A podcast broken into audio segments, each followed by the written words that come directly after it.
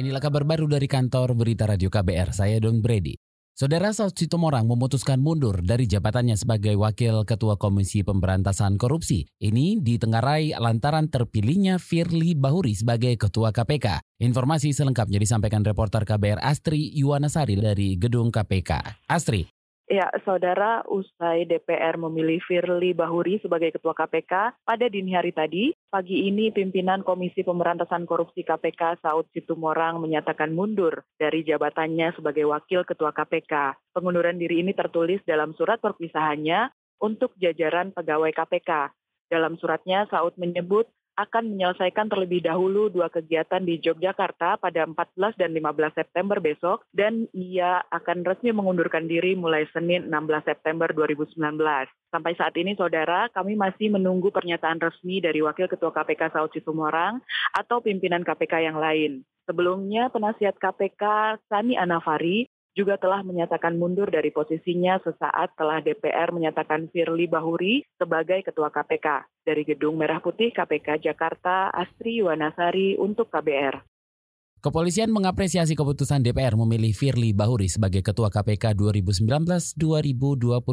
Juru bicara Mabes Polri Dedi Prasetyo mengatakan dengan terpilihnya Firly diharapkan KPK dan Polri makin solid dalam penanganan kasus korupsi. Dan harapan kita tentunya saat ini memang hubungan antara Polri dan KPK sudah sangat solid ya dalam hal penegakan hukum terhadap pemberantasan korupsi juga hubungannya sangat baik sekali dari mulai proses-proses penangkapan, penyitaan, penggeledahan, kemudian kegiatan-kegiatan sifatnya supervisi terhadap kasus-kasus korupsi yang ditangani oleh Polri sangat baik hubungan dengan KPK. Juru bicara Mabes Polri Dedi Prasetyo mengaku belum mengetahui mekanisme pengunduran diri Firly sebagai Kapolda Sumatera Selatan. Jumat dini hari tadi Firly Bahuri terpilih sebagai Ketua KPK 2019-2023.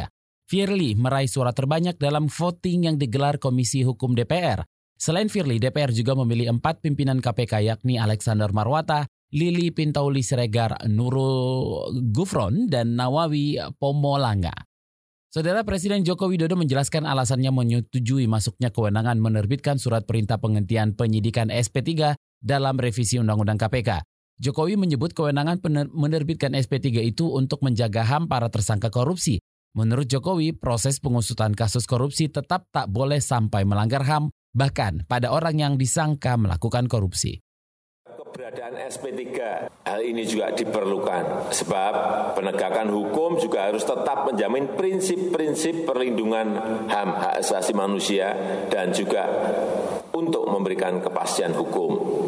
Jika RUU inisiatif DPR memberikan batas waktu maksimal satu tahun dalam pemberian SP3, kami meminta ditingkatkan menjadi dua tahun supaya memberi waktu yang memadai bagi KPK. Jokowi mengatakan penerbitan SP3 oleh KPK juga akan memberikan kepastian hukum pada tersangka korupsi yang kasus penyidikannya mandek. Menurut Jokowi, revisi itu hanya memberi kewenangan KPK menerbitkan SP3 sehingga memiliki opsi untuk menerbitkan atau tidak menerbitkan SP3 untuk suatu kasus korupsi yang penyidikannya mencapai tenggat waktu tertentu. Dewan Pers menilai revisi Kitab Undang-Undang Hukum Pidana RKUHP akan menghalangi kerja jurnalis. Hal ini terlihat dari sejumlah pasal bermasalah antara lain penghinaan terhadap presiden dan wakil presiden, pencemaran nama baik, hingga pasal tentang pembatasan penyiaran.